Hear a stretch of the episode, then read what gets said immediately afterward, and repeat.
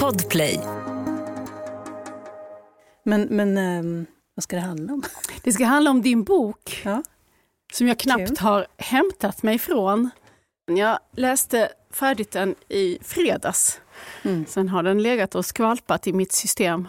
Men jag tror jag kommer att hålla på ett tag med den. Vad fint.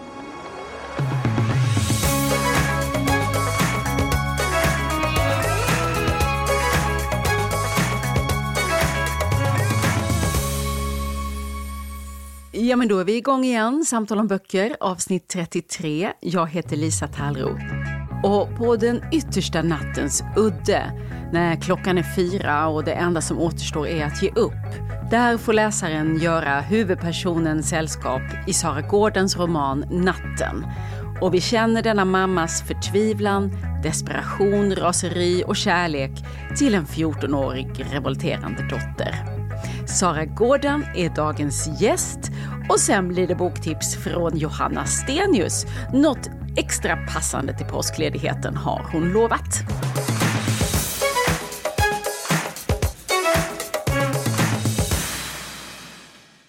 Välkommen hit Sara. Tack så mycket. Du är ju eh, en etablerad och tidigare publicerad författare, men lite ringrostig för nu var det ett tag sedan du hade en bok aktuell. Nu var det nio år sedan. Aha. Så jag känner mig som en nybörjare nästan. Fast det är du inte. Det är, Nej. ingen, det är ingen nybörjare som har skrivit den här boken. Ehm, och jag ska försöka ringa in den här romanen Natten. Den har ju beskrivits på lite olika sätt. Som en berättelse om föräldraroro och revolterande barn. Som en berättelse om livets stora oberäknelighet. Såg jag någon recensent som skrev. Den kan handla om eh, att vara förälder till ett sjukt barn. Den konstanta jour som följer med det. Eller kanske ska vi beskriva det som en berättelse om gränser och gränslöshet. Vad handlar den om för dig? För mig handlar det nog mest av allt om kärlek. Faktiskt. När jag har försökt beskriva den har jag sagt att det, det är en eh, berättelse om kärlek med, med förhinder. och det är inte så vanligt att man upprättar det mellan mor och barn eller föräldrar och barn. Men jag tänker att det är vad det handlar om och den kris som det innebär att få eh, en tonåring. För att fram till en viss punkt, om barnen är friska eller sjuka och vad som än händer, så kan man, man kan hjälpa. Om barnet springer ut i gatan så kan man stoppa det och plocka upp det. Men sen kommer man till den punkten där barnet springer och man inte hinner ikapp. Och barnet säger dra åt helvete, jag vill inte att du stoppar mig. Och den krisen, det är väl den jag har velat fokusera på i den här texten. Bara det här ordet barn som vi använder som föräldrar i relation till våra barn och, och man, har ett, eh, man har ett ansvar för ett barn och en 14-åring är visst ett barn. Men det är ju att ha att göra så mycket med en individ som är sin egen individ och som med rätta kräver sin självbestämmande rätt också. Verkligen. Det är ju den där allra lurigaste fasen av föräldraskapet på något vis där man, där man inte riktigt vet var gränserna eh, måste gå. Och det är det som den här mamman verkligen prövas kring i boken. Men eh, du adresserar ju också det i slutet, att det finns kopplingar till ditt eget liv. Och det, det här är en del av, delvis din egen upplevelse som du skriver om här.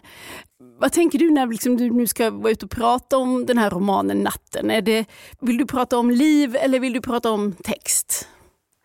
Jag tänker att de berör varandra, men att de inte är kopior. Det är de verkligen inte. Jag tycker båda är intressanta. Jag tänker att jag har en eh, erfarenhet.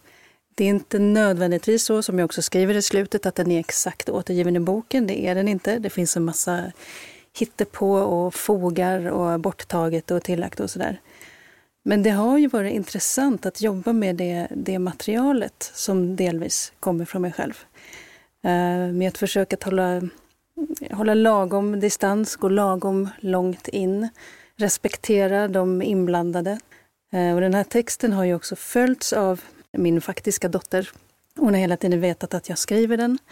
Hon har hela tiden vetat att hon har absolut veto över slutresultatet. Hon har gått igenom den i varje detalj. Det står ingenting här som inte är godkänt. Vi är också överens om vad som är hittepå och vad som inte är det. Så att det, nu känns det väldigt bra att kunna presentera den här berättelsen i den mellanform som, som den ju är bakom texten. Men som bok finns det ju nu, just, just den här berättelsen. Och det är ju det är fantastiskt, tycker jag. Mm. Att ha kunnat skriva den och att ha fått skriva den och att också att min familj och jag är, har den överenskommelsen som vi har om mm. vad som är sant och inte. så att säga. Jag vill gärna mm, återvända till detta med, med, skriv och liv, men jag tänker bara att vi måste bjuda in lyssnaren till handlingen i den här romanen.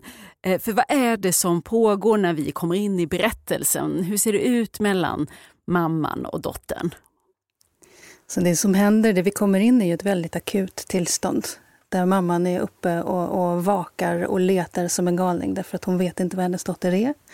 Hon ringer precis överallt, hon går ut och letar, hon väcker sina mindre barn och låter dem ta hand om varandra för att kunna gå ut helt desperat, leta på kyrkogårdar, letar liksom överallt. Eh, och dottern är inte bara 14 år och vägrar svara utan hon har också eh, diabetes. Och mamman har utöver den liksom vanliga oron så är hon också orolig för dotterns liv. Med rätta, för det ja. förstår man ju en del av eh, revolten som eh, flickan gör, att eh, också missköta sin diabetes. Hon, hon, sticker iväg på nätterna, hon dricker alkohol. Och hon... hon revolterar ju både mot eh, sin mamma och mot, eh, mot sjukdomen. Mm. Och, det, och det är ju också väldigt vanligt att, det, att den dubbla revolten måste genomföras. Mm. Det, det vet de ju på, på sjukhusen. Man får eh. lära sig mycket om sjukdomen diabetes också när man läser den här boken. Men kan du inte bara kort berätta vad det är som, vad är det egentligen som står på spel här? Vad är det som kan hända när en 14-åring med diabetes sticker iväg på natten sådär? Alltså det som alltid kan hända med diabetes är ju att man får för lågt blodsocker på ett sätt som en frisk människa aldrig kan få. Det kan liksom panga i botten. Och då svimmar man, kan man göra. Eh, och då vill det till att man får rätt hjälp, vilket i all enkelhet är något sött. På bio är det ofta sprutor och saker som ska fram, men i verkligheten behöver man en sockerbit eller något sånt. Problemet är att om man har druckit alkohol så Eh, så kan man sjunka så lågt att man, och så snabbt att det kan vara väldigt svårt att ge den hjälpen. Då räcker det inte med att stoppa in någonting i munnen. Eh, det är också så att om man inte har druckit så kommer kroppen att den har sina egna räddningsstrategier så att man, man kan klara sig ändå. Eh, men inte om man har druckit för mycket, därför att då, då klarar inte kroppen det på grund av alkoholen. Så det är ju en, en, en kemisk verklighet att den här dottern löper stor risk, tror mamman. Hon har ingen aning. Dottern kanske sitter och dricker te. Det vet ja, vi inte. Ja, vad dottern gör vet man inte. Men, men eh, vartefter här så får hon ju ändå en del fog för sin oro. Eh, ja, jo. Och det är inte bara och det är liv och död, men det är också en mängd sjukdomar som kan komma med att man missköter en diabetes. Absolut. Så det är ju, det är ju liksom en verklig och väldigt komplicerad situation. Det är en väldigt situation. svår sjukdom. Mm. Det, den ska inte underskattas någonsin.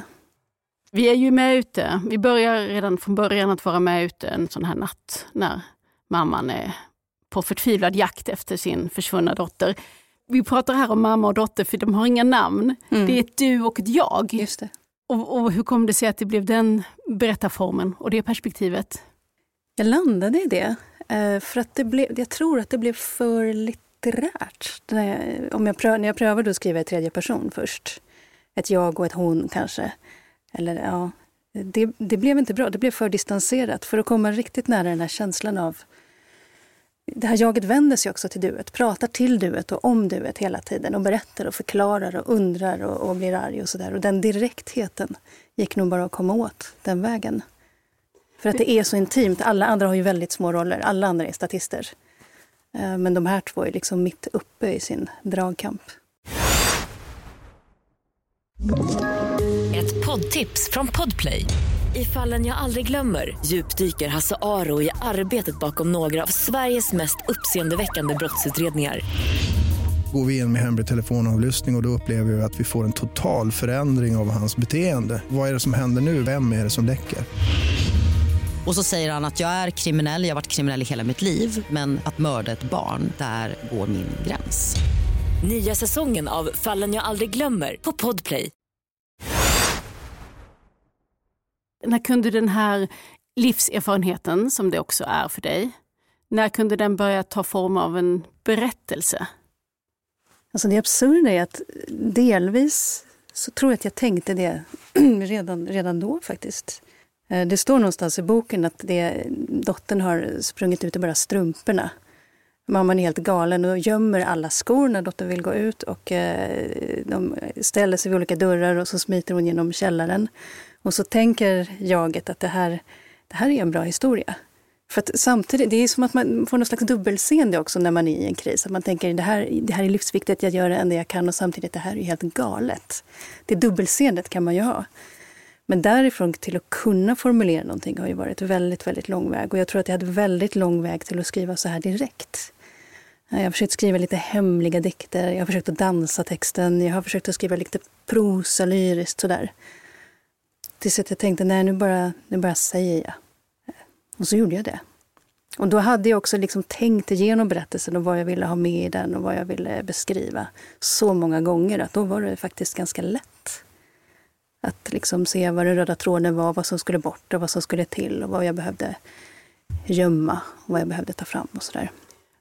Men när du säger så att eh, nu säger jag det bara, eller nu skriver jag det bara. Vad var det du hade tassat runt då? Vad var det du hade undvikit liksom, i dina tidigare skrivförsök? Jo, men jag har väl velat skydda eh, mig själv och min familj. Och återigen, det här är en roman. Det är inte liksom en självbiografi klippt ur verkligheten. Det är en roman, eh, men som lånar väldigt mycket av mitt och min familjs liv. Nej, men att gå direkt på smärta, direkt på det akuta. Och också någonting med hur jag framställer det här eh, jaget. Det är ju liksom frestande att försköna och säga jag var så himla bra, hon var så himla dum. Men det håller liksom inte. Det är ansvarslöst och eh, det är också mm, inte sant. så att um, någonting med att ta ner ta ner de litterära anspråken också. För att jag tror att jag satt och försökte göra litteratur och att det liksom skulle innebära någon typ av omskrivning. Att jag, jag bara slutade försöka det. Jag bara pratade på. Mm. Sen är den inte utan litterär gestaltning och litterära grepp eh, ändå. Men, men jag tänkte på, ehm, såklart, eftersom det är en eh, roman, men, men jag tänkte på att, ehm, och, och det vet jag inte i vad mån det var en process hos dig, men du låter i alla fall mamman i romanen ha den här processen också, att försöka förstå varför har vi hamnat här? Det verkar också ha gått ganska fort från att ha haft en helt annan situation med eh, den här flickan, dottern som nu då är 14 år när, när allt har skenat. Men bara för ett par år sedan så var det en ganska annorlunda situation i, mellan henne och mamman och de hade fortfarande kontakt. Och eh, jag läser det i alla fall som att den, de, alla de här tillbakablickarna som eh, romanens jag gör och går igenom sitt liv, är det en letande efter en förklaring till varför man har hamnat så här? Eller vad, vad tänkte du med de här återblickarna? Jag tror att det är så jag har tänkt. För det är så att säga um, innan dottern ens finns. Ja, ja absolut. Men jag tror också att det handlar om att försöka förstå um, att mamma försöker förstå sig själv, att man förstår den här monumentala oron. För det är ju inte så att det här är första som händer dem, utan det har ju varit sjukdomar. Det har varit återkommande väldigt kritiska ögonblick i den här familjen. Och jag tror jag har försökt gestalta hur det bygger upp en förväntan på katastrof. Istället för att man genomlever en eller två katastrofer och sen blir det kanske bra eller så. Eh, så är det som att de här katastroferna de kommer igen och igen. Och den här jaget har känslan av att det är någon slags mönster på gång. En, en evig upprepning. Det kommer någon gång i juni typ varje år en eller en annan fruktansvärd upplevelse och nära döden händelse. Så hon är beredd på det och det är också därför som hon laddar så mycket. Så fort dottern går utanför dörren så tänker hon nu är det döden. och det, det, är ju delvis, det är ju delvis rimligt men det är också delvis helt hysteriskt. Och jag tyckte det var spännande att försöka verkligen visa den dubbelheten. Det är både helt hysteriskt och helt rimligt, kanske. Mammans oro. Ja. Det kan man fundera på som läsare. Går hon för långt i sin oro? Eh, hon har ju lite sådana teorier själv den här mamman. Mm. Eh, du skriver till exempel någonstans att jag känner mig allt mer som din misslyckade fångvaktare. Jag vet inte om jag förföljer dig för att du flyr eller om det är tvärtom. Men resultatet är samma. Mm. Hon börjar ju till och med spekulera om det är hon som är, driver den här revolten, att det är mamman som driver den. Mm. Det gör hon. Kommer hon fram till någonting i det där? Nej. jag tror att boken eh, påstår att mamman är i högsta grad eh, medskyldig. Eh, men i det akuta tillstånd som, som jaget i den här boken är så kan hon inte se så mycket. Och apropå skillnaden mellan liv och, och, bok så är det väl också så i ett akut tillstånd så är man ju inte rimlig. Efteråt kan man sitta och vara rimlig och tänka, ja just det. Men mitt i är det ganska svårt. För finns det minsta lilla chans att det gäller liv och död för ens barn, då är det väldigt svårt att inte agera på det. Mm. Jag kan aldrig skylla på någon annan, utan att det är jag som kommer att ha ansvar för att allting gjordes. Mm. Um. Och kanske var den som ställde till det mm. också. Alltså, återigen, den där dubbelheten, tänker att den är, den är viktig. Att det är inte på det ena eller andra sättet. Det är inte, inte bara hysteri. Det är inte bara räddning. Men det är inte heller inte räddning och inte hysteri. Skulden hänger ju runt här i hörnen förstås, om, det, om den finns och vem har den och om det är mamman som har den eller inte. Men jag tänkte på det där du sa om att hon um, föreställer sig nästan att hon är fast i ett mönster. Mm. Och upprepningen är ett tema i boken, också för att eh, den här mamman håller på med en avhandling om just upprepning inom litteraturen. Mm. Vad, är hennes, vad är hennes avhandlingsämne? Blir du fnissig nu? Ja. Här ligger vi väl ganska nära dina egna akademiska... Ja, jag har en gång i tiden startat en, en avhandling om upprepningen och det är en ständig källa till, till humor för alla som får höra talas om det. Många upprepningsskämt. Mm. Eh, nej, men på ett väldigt sådär, grundläggande plan så tycker jag att det är väldigt snyggt med upprepning. Jag har tänkt väldigt mycket på det. Jag har också tänkt på liksom hur alla livsmönster och ceremonier bygger på upprepningar. Allt vi gör, liksom, som, som är, ja, men vi firar våra födelsedagar varje år, alltså enkla saker. Vi sjunger vissa visor vid vissa högtider, om vi, om vi är lagda åt det hållet. Eh, men också liksom väldigt grundläggande saker inom religion och filosofi och såna här gamla, gamla naturreligioner är det väldigt viktigt. Och i äldre sånger, det, alltså det, jag tänker att det är någonting med människan och upprepningen, att det finns en trygghet i det. Men också en, en möjlighet att känna sig infångad.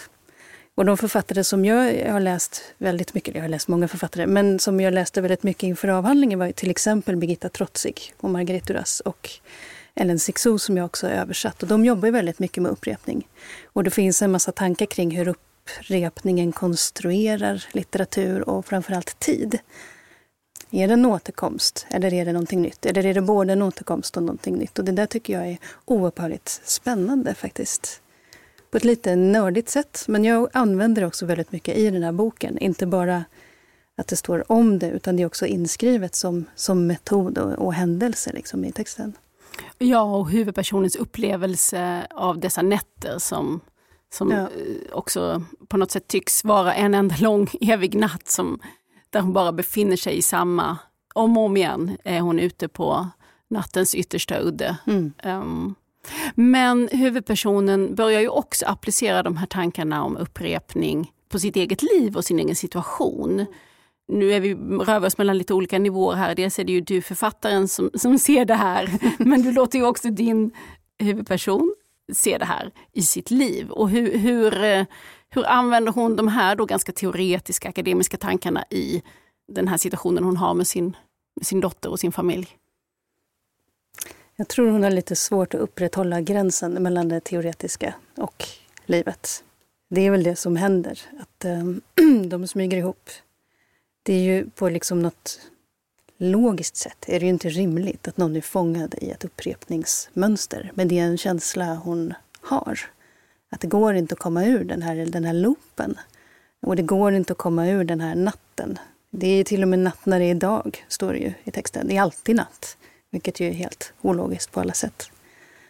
Och att det blir ingen trygghet för henne heller, utan hon, hon känner sig inlåst i det.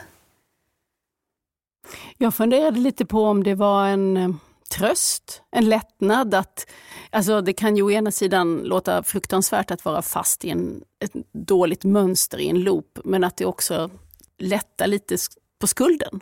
Eller? Jag tror inte att den där mamman är lagd åt det hållet. För jag, nej, jag nej, tänker på när hennes, mm. hennes nya man är det väl som säger, alltså, det finns ju en relation här till flickans pappa, men det är en ex-man och sen lever hon med en ny man nu. Och um, den här mannen han blir lite sådär förbluffad över att det är så många olika sjukdomsincidenter, sjukhushistorier som drabbar mm. Den här mamman. Och han har någon sån här kommentar som att Tänk, det är så märkligt, i vår familj blir vi aldrig sjuka. Mm.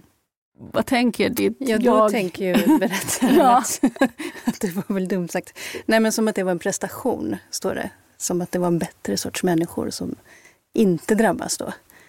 Det finns ju någon slags friskhetsideal i världen som på riktigt kan göra mig förbannad. För vem, det kan man ju inte förtjäna, det är ju bara tur.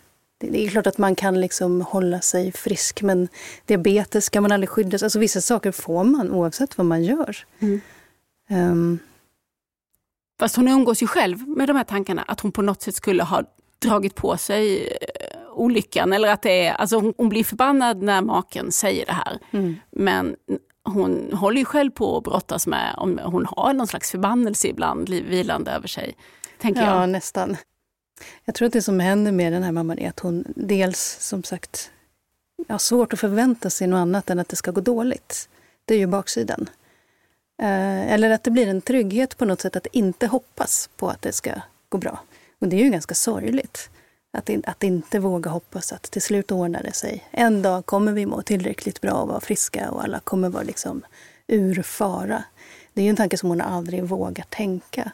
Det är så ju någonstans att hon har en förbjuden tanke som är att huvudet inte skulle ha diabetes. Och den, den får hon inte tänka för då, då tappar hon allt. Då, då går det inte att hålla ihop sig för att det är så, den lättnaden är för stor. Hon har inte råd med den. Ett poddtips från Podplay. I fallen jag aldrig glömmer djupdyker Hasse Aro i arbetet bakom några av Sveriges mest uppseendeväckande brottsutredningar går vi in med hemlig telefonavlyssning och, och då upplever vi att vi får en total förändring av hans beteende. Vad är det som händer nu? Vem är det som läcker? Och så säger han att jag är kriminell, jag har varit kriminell i hela mitt liv men att mörda ett barn, där går min gräns.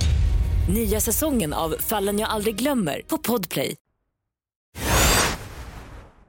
Ja, som jag sa i början så kan man ju ta fasta på olika saker när man läser den här romanen Natten. En del är ju att det här är en förälder som har att ta hand om ett sjukt barn, ett barn med diabetes och, och läsaren får ta del av det stöd eller icke-stöd som en förälder då kan få från samhället. Och det finns många exempel här i boken på hur mamman känner att hon inte alls får gehör och till och med helt felaktiga råd från läkare och sjuksköterskor. Och jag tänker att det här ändå speglar din egen erfarenhet också. Så, och varför ville du ha med detta i boken? Av flera skäl. Dels av liksom allmän diabetesbildning, att man blir så ofta fel bemött. Å ena sidan. Å andra sidan att jag har ju, som det står i boken, har jag också verkligen varit morsan från helvetet i förhållande till vården. Jag har liksom skickat ut läkare för att jag tyckte att den inte såg ut att veta. Alltså jag har varit stenhård och krävt eh, rätt vård. Och varje gång jag har gjort det och också fått Eh, byta läkare eller vad jag nu har velat och ställt till det. Kanske ofta i onödan, det vet inte jag. Eh, ofta har det behövts när det har gällt diabetes, men ibland har det säkert inte behövts. Men varje gång jag har gjort det, för att jag, för att jag är medelklass, för att jag är vit, för att jag har en hög utbildning och för att jag törs, så tänker jag också på, tänk om det inte var så. Tänk om jag inte vågade? Tänk om jag hade en enorm respekt för den där läkaren och tänkte han eller hon vet mycket mer än jag. Tänk om jag inte kunde språket fullkomligt. Tänk på alla de som inte kan eller vågar säga till eller som säger till och inte blir tagna på allvar för att de talar ut någon slags upplevt underläge. Och det gör mig mörkrädd varje gång, faktiskt, när jag tänker på de som inte kan eller törs säga ifrån. Men är diabetes typ 1 är det ju nu här då förstås som, som det handlar om i det här fallet. Är det en underförstådd sjukdom även i vården? Är din erfarenhet alltså? Alltså jag har ju fått den rekommendationen, nu kanske någon blir arg, men från våra diabetessköterska att se alltid till att koppla in någon från diabetesmottagningen. Gör det alltid varje gång ni kommer in. Därför att det är ändå en specialkunskap och en del saker ska man göra tvärtom och där kan det bli fel. Jag vet inte hur många gånger jag har stoppat folk som har velat trycka in en massa insulin när det absolut inte ska inåt. Och det gäller säkert andra sjukdomar också, att föräldrarna känner att det är de som ska stå där och, och vakta. Det blir en uppgift utöver föräldraskapet, blir det det?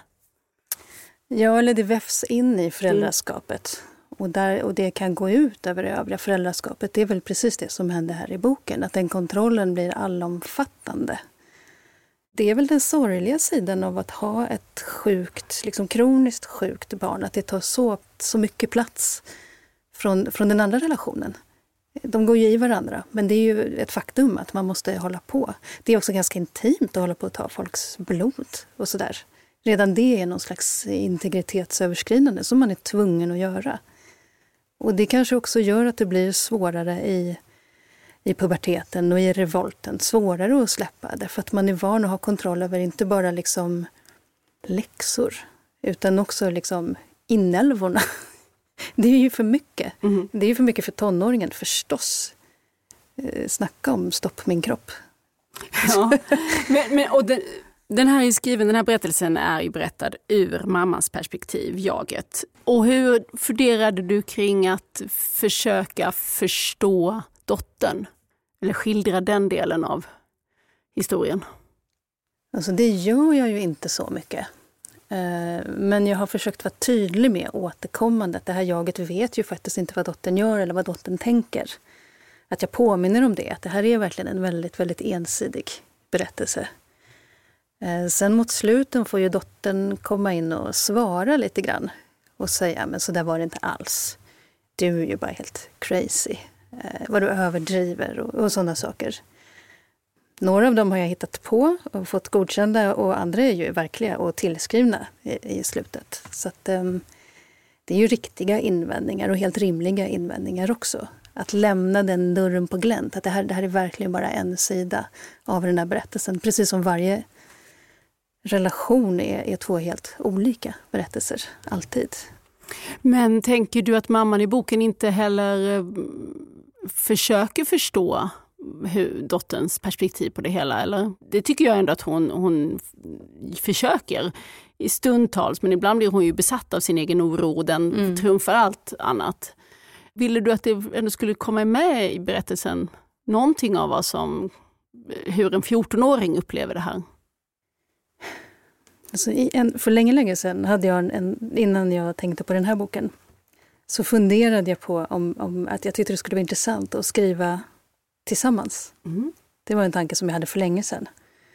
Eh, under en viss kris, som nu finns återgiven i en annan form. Mm. Så tänkte jag vad intressant det vore om vi varje dag skrev några rader om den här dagen. Eh, men det var inte ett läge där det gick. Eh, det hade också kunnat bli något jättespännande. Eh, men nu är snarare perspektivet att mamman vet inte och att det är det stora frustrationsmomentet i texten. Hon vet inte, hon förstår inte. Eh, hon skulle nog behöva sätta sig ner och, och lugna ner sig och ställa lite frågor. Men det som kommer ut är bara liksom oro och ilska. Så det är ju en väldigt, väldigt bristfällig mamma i den här boken.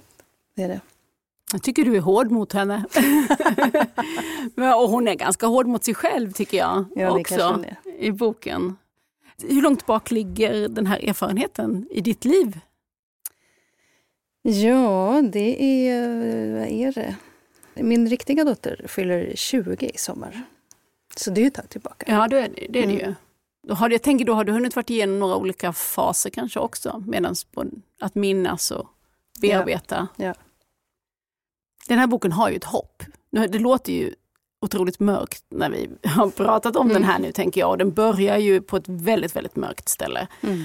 Men eh, sen så sipprar det ju in ljus i den här berättelsen. Um, och var det viktigt för dig att den skulle, att den skulle ha ett hopp?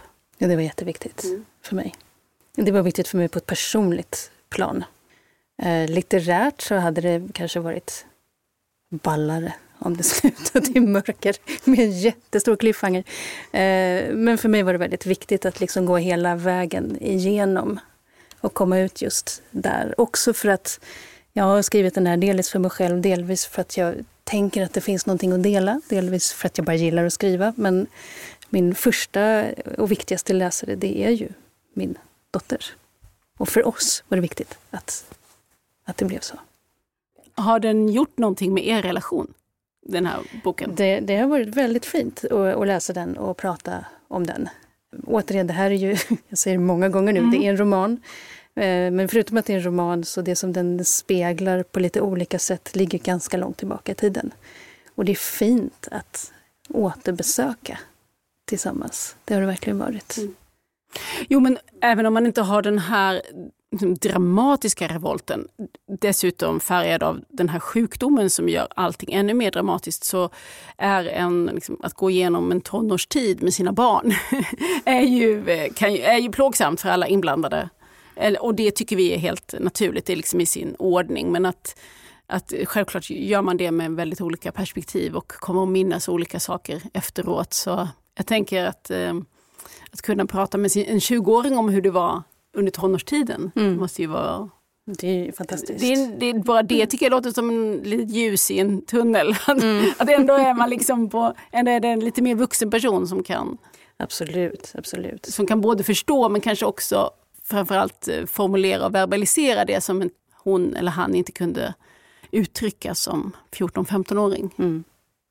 Och framförallt, med risk att bli tjatig, så är vi väldigt överens om att det här är min, min bok, min story, mitt, mitt delvis hittepå. Mm.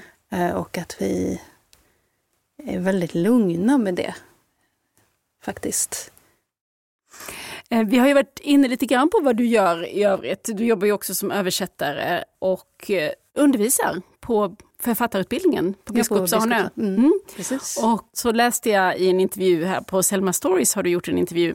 Där sa du så här att du tycker att det är viktigare att läsa än att skriva för en författare. Och det tänkte jag att du skulle få förklara hur du menar. Eh, jag möter många människor, kanske inte på Biskopsörne, därför att de som går där har ju ofta skrivit ganska länge och har ett ganska medvetet förhållande till text. Men jag har också undervisat på mm, Skrivarakademin på Folkuniversitetet och, och liksom på mer grundläggande nivå. Och det är ganska vanligt att folk vill skriva men de vill inte läsa. Och det, jag förstår inte det överhuvudtaget. Därför att om du inte har text i dig så har du ingen, du har ingen kunskap om dina redskap, ingen kunskap om, om text. Är det någon idé om att man eh, då blir alltså påverkad av andra, jag måste hitta min egen röst? Är det det, det nog, som skulle det vara tanken, ja. förklaringen till varför ja. man inte vill läsa? Jag antar det. Det är helt fel. Hur kan du vara så säker på det?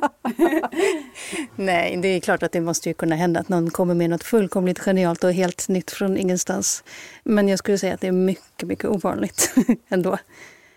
Nej, men det finns väl någonting av det som kallas anxiety of influence förstås. Man är rädd att man ska börja likna någon. Och de första nybörjarmisstagen är ju kanske att man skriver väldigt lik någon annan. Man skriver som sin idol.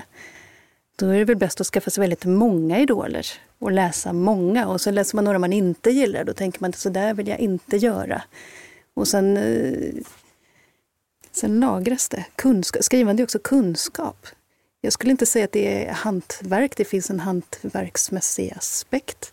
Men det är framförallt en kunskap om text och textvärldar som man tillägnar sig över lång, lång tid. Den här boken som jag skriver nu, den är väldigt olik mina andra. Och jag tänker att jag kan mycket mer nu än vad jag kunde när jag skrev de andra. Att jag har lärt mig framåt, så att säga. Det är också därför författare ofta blir bättre med åren, om vi tar Kerstin Ekman till exempel. Hon har ju alltid varit bra, men det blir liksom det blir bara mer och mer fantastiskt för att det är så mycket kunskap som har lagrats och som kommer ut med små medel. Jag tänker till läsning och skrivande och tid tillsammans. Och liv då? Och liv också, absolut. För det har jag ju också hört eh, just författare som pratar om det här med att eh, eh, man vill, leva, man vill leva för att kunna skriva. Man måste vara aktören själv du har ju varit mycket aktör här och du har levt mycket och det har blivit en bok av det. Men det, det är ju inte en erfarenhet du kanske hade kunnat läsa dig till. Kanske inte just det här, men jag tycker inte man ska underskatta fantasins förmåga heller. Det måste ju säga Kerstin Ekman igen, romanen Hunden. Vad vet hon om att vara hund? Ja, men allt uppenbarligen, eftersom det gick att skriva den boken. Det kommer ju ibland elever, så det här är ju liksom en stridfråga. Kan man bara skriva sånt som man vet på sin kropp? Eh, jag tror inte det, för då skulle vi inte ha historiska romaner. Vi skulle inte ha liksom, eh, väldigt mycket skulle inte finnas om man bara kunde skriva om sig själv. Sen har man kanske fler saker att säga om det man har egen erfarenhet av. Um, men jag tror att det är lite att det är farligt att man förminskar litteraturen om man tar bort fantasin ur ekvationen. Mm. Och också som en, liksom en hand som man sträcker mot det som man inte själv har upplevt, som man undrar. Jag tänker att det är viktigt. Jag tänker att det är det vi gör när vi läser. Vi sträcker en hand mot någonting vi inte själva har erfarit eller något vi undrar. Eller så läser vi något där vi bara blir beredda för att vi vet att det kommer gå bra på slutet, som i många deckare. Vi vet att de kommer fånga mördaren. Det är det vi gör när vi läser och skriver, tänker jag. Mm. Hur ser ditt liv ut nu i vår? Jag är tjänstledig för att jag översätter Michel Houellebecq. Mm. En väldigt lång bok. Eh, så att jag valde att vara helt ledig från Biskopsson nu för att, för att hinna. Har, har, du översatt alla hans böcker? Nej, bara en. Han har haft flera olika väldigt bra översättare. Mm. Ja, det måste också göra någonting med en att få vara i den världen. Ja, men det är inte, alltså, om, man är, om man är nörd som mm. jag är så är det ju väldigt roligt att gå in i olika språk som man inte skulle ha valt själv, som inte är naturliga för mig. Och det måste man göra när man översätter. Man måste gå in i någon annans kläder och skor och mun och vara där. Det är ju jättespännande och det har också varit otroligt berikande för mitt eget skrivande. Att utveckla mitt svenska ordförråd dra fram alla gamla vändningar från när man har läst allt möjligt genom åren. Det är ju jättespännande. Jag tänker att det är som styrketräning för språket, för mitt språk. Och när ska den här vara klar, översättningen? I sommar. Ja, för den ska komma ut till hösten. Mm. Det var en liten eh, sidospår om Michel Houellebecqs eh, senaste roman som du är översättare för. Men den vi har pratat mest om här idag är såklart din egen roman som är aktuell precis nu. Natten heter den. Tusen tack Sara Gården för att du kom hit. Tack så mycket.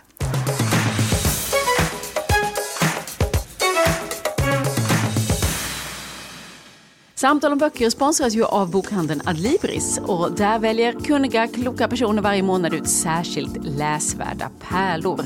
Och till de här så bjussar man också på extra material som bokcirkelfrågor. Och en av april månads pärlor det är romanen Glöm bort din saknad av finlandssvenska Ann-Louise Bertell. Och det här är den tredje delen i en romansvit om österbottniska familjeöden. De tidigare heter Vänd om min längtan och Heyman. Den har för övrigt varit nominerad till Finlandiapriset.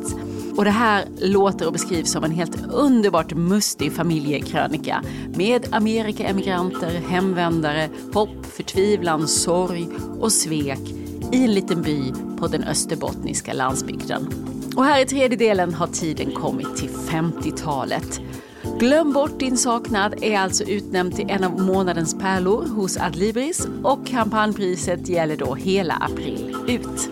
Tack Adlibris! Det kan, det kan vara långfredag idag när du lyssnar. Då släpps det här programmet, eller kanske påskafton, mitt i eh, ledigheten i alla fall. Johanna Stenius. Ja, hej, glad påsk. Vi får avslöja att vi gör det här några dagar innan. Inom mig är det påsk. Men inom oss är det påsk. Mm. Och nu ska vi använda ledigheten till att komma ut och möta våren, eller hur? Ja, jag hoppas ju verkligen att eh, det kommer bli som jag önskar. Att det kommer vara ett sånt väder som tillåter att gå ut mm. i naturen på påsken. Det är ju en härlig brytningstid nu när allting börjar slå ut. En av mina favorittider på året. Visst gör det ont när, alltså är det. när knoppar brister. Det är det där dubbla som man ja. gillar. Men, eh, och sen så ska man ju såklart också eh, hinna läsa när man är ledig. Men vi knyter ihop det här genom att prata om lite böcker som har naturkoppling. Ja men precis, så tänkte jag att jag skulle tipsa idag. Och jag tänkte väl börja med en väldigt faktaspäckad bok som jag kommer ha stor glädje av under de kommande månaderna själv. Och det är en stor bok om vandring som har kommit som heter Till fots och är skriven av Emma V Larsson. Och det är ju en bok för alla som gillar att vandra och för alla som tror att de kommer att gilla att vandra kan man väl säga. En handbok i vandring från grunden. Jag uppskattar verkligen att den är så grundläggande den här boken för att eh, den gör tröskeln väldigt låg till att våga ta sig ut. Även om man befinner sig i en icke-typisk vandrarsituation, typ småbarnsåren, så kan det ändå gå bra enligt den här boken och det är väldigt inspirerande. Och då är det både alla de praktiska sakerna kring packning och sådär men också en del eh, kring relationer på vandringen och hur man liksom, när humöret kan dippa och vad man kan göra då. Mm. Inte Ja, men- minst hos barnen kanske. Ja men precis, det är ju just sånt som kan göra en lite nervös för att ge sig ut med familjen. Så, och det här, den här boken är som sagt väldigt konkret. De bästa tipsen på dagsturer med barn eller hur man ska sova, hur man ska äta, hur man ska göra upp eld, hur man ska gå på toaletten, allt. Till fots, Stora boken om vandring av Emma V Larsson. Ja, och den andra boken jag tänkte tipsa om, det är i och för sig en man kan ha användning för kanske när man är ute och vandrar. Och det är en bok som jag känner mig jätteinspirerad av varje vår och sommar, nämligen Äta vilda växter av Lisen Sundgren. Och den här boken är ju helt enkelt tips på ätbara växter och hur man kan göra för att bevara dem och tillaga dem. Växter som man hittar ute i den svenska naturen. Som man hittar den svenska naturen. Det finns ett överflöd av mat i vår natur och grunden i den här boken är att man ska ge sig ut och plåga, plocka och njuta av det som finns där och samtidigt njuta av naturen såklart. Det är vilda, ätliga och vanliga örter, blommor och bär och eh, jättevackra fina illustrationer på dem dessutom, så det är väldigt inspirerande. Till exempel kan man få lära sig allt om granskott, Laga granskottstzatziki, rönnbärsketchup eller rödklöversallad med rosor till exempel. Det låter underbart tycker jag, bara poesi i bara namnen på de här rätterna. Det låter som något som Tomtebobarna skulle äta. Eller hur? Och boken ser också lite ut så inuti för illustrationerna är så vackra och bygger in texten på ett väldigt fint sätt. Så det är en väldigt fin bok att, att ge bort och också ha kanske i, på sin veranda eller i sitt fritidshus. Och väldigt lätt att använda. Recepten och metoderna är enkla och råvarorna finns ju överallt. I skog och mark. Mm. Och boken heter Äta vilda växter av Lisen Sundgren. Och som sista tips tänkte jag bara lite kort tipsa om att läsa romaner med starka naturskildringar. Det finns ju fantastiska sådana. Vi har på selmastories.se har vi en lista med just romaner med naturskildringar. Själv älskar jag att läsa sånt. Och en som jag tänkte tipsa om, om man vill läsa just svenska naturskildringar, är ju Kerstin Ekman. Hon har ju alltid en väldigt hög nivå på allt hon skriver, men hennes senaste bok Löpa varg är ju helt otrolig i sin skildringar av naturen och av människans relation till naturen kan man väl säga. Vad roligt att du tog upp Kerstin Ekman för det var ju Sara Gårdans, en av hennes stora inspirationskällor. Som hon Ja, tog vad upp nyss. roligt. Mm. Ja. ja, men det förstår jag verkligen att det är. Hon har ju ett, en unik ton som eh, inte liknar någonting annat. Tack för dessa påsktips. Tack så mycket. Johanna Stenius. Ja men tack för idag. Nästa vecka hör du poeten Jenny Tunedal här i Samtal om böcker. Aktuell med diktsamlingen Dröm baby dröm som handlar om sorgens och drömmarnas plats i en människas liv. Veckans avsnitt finns ju alltid att höra redan på fredag i gratisappen Podplay, annars på lördag på alla andra poddställen. I sociala medier heter vi Selma Stories och jag heter Lisa Tallroth. Du har lyssnat på Samtal om böcker, en podd från Selma Stories.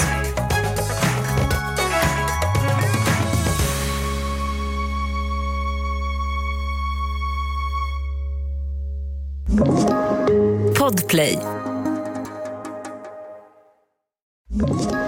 Ett poddtips från Podplay. I fallen jag aldrig glömmer djupdyker Hasse Aro i arbetet bakom några av Sveriges mest uppseendeväckande brottsutredningar. Går vi in med hemlig telefonavlyssning och, och då upplever vi att vi får en total förändring av hans beteende. Vad är det som händer nu? Vem är det som läcker? Och så säger han att jag är kriminell, jag har varit kriminell i hela mitt liv men att mörda ett barn, där går min gräns. Nya säsongen av Fallen jag aldrig glömmer på Podplay.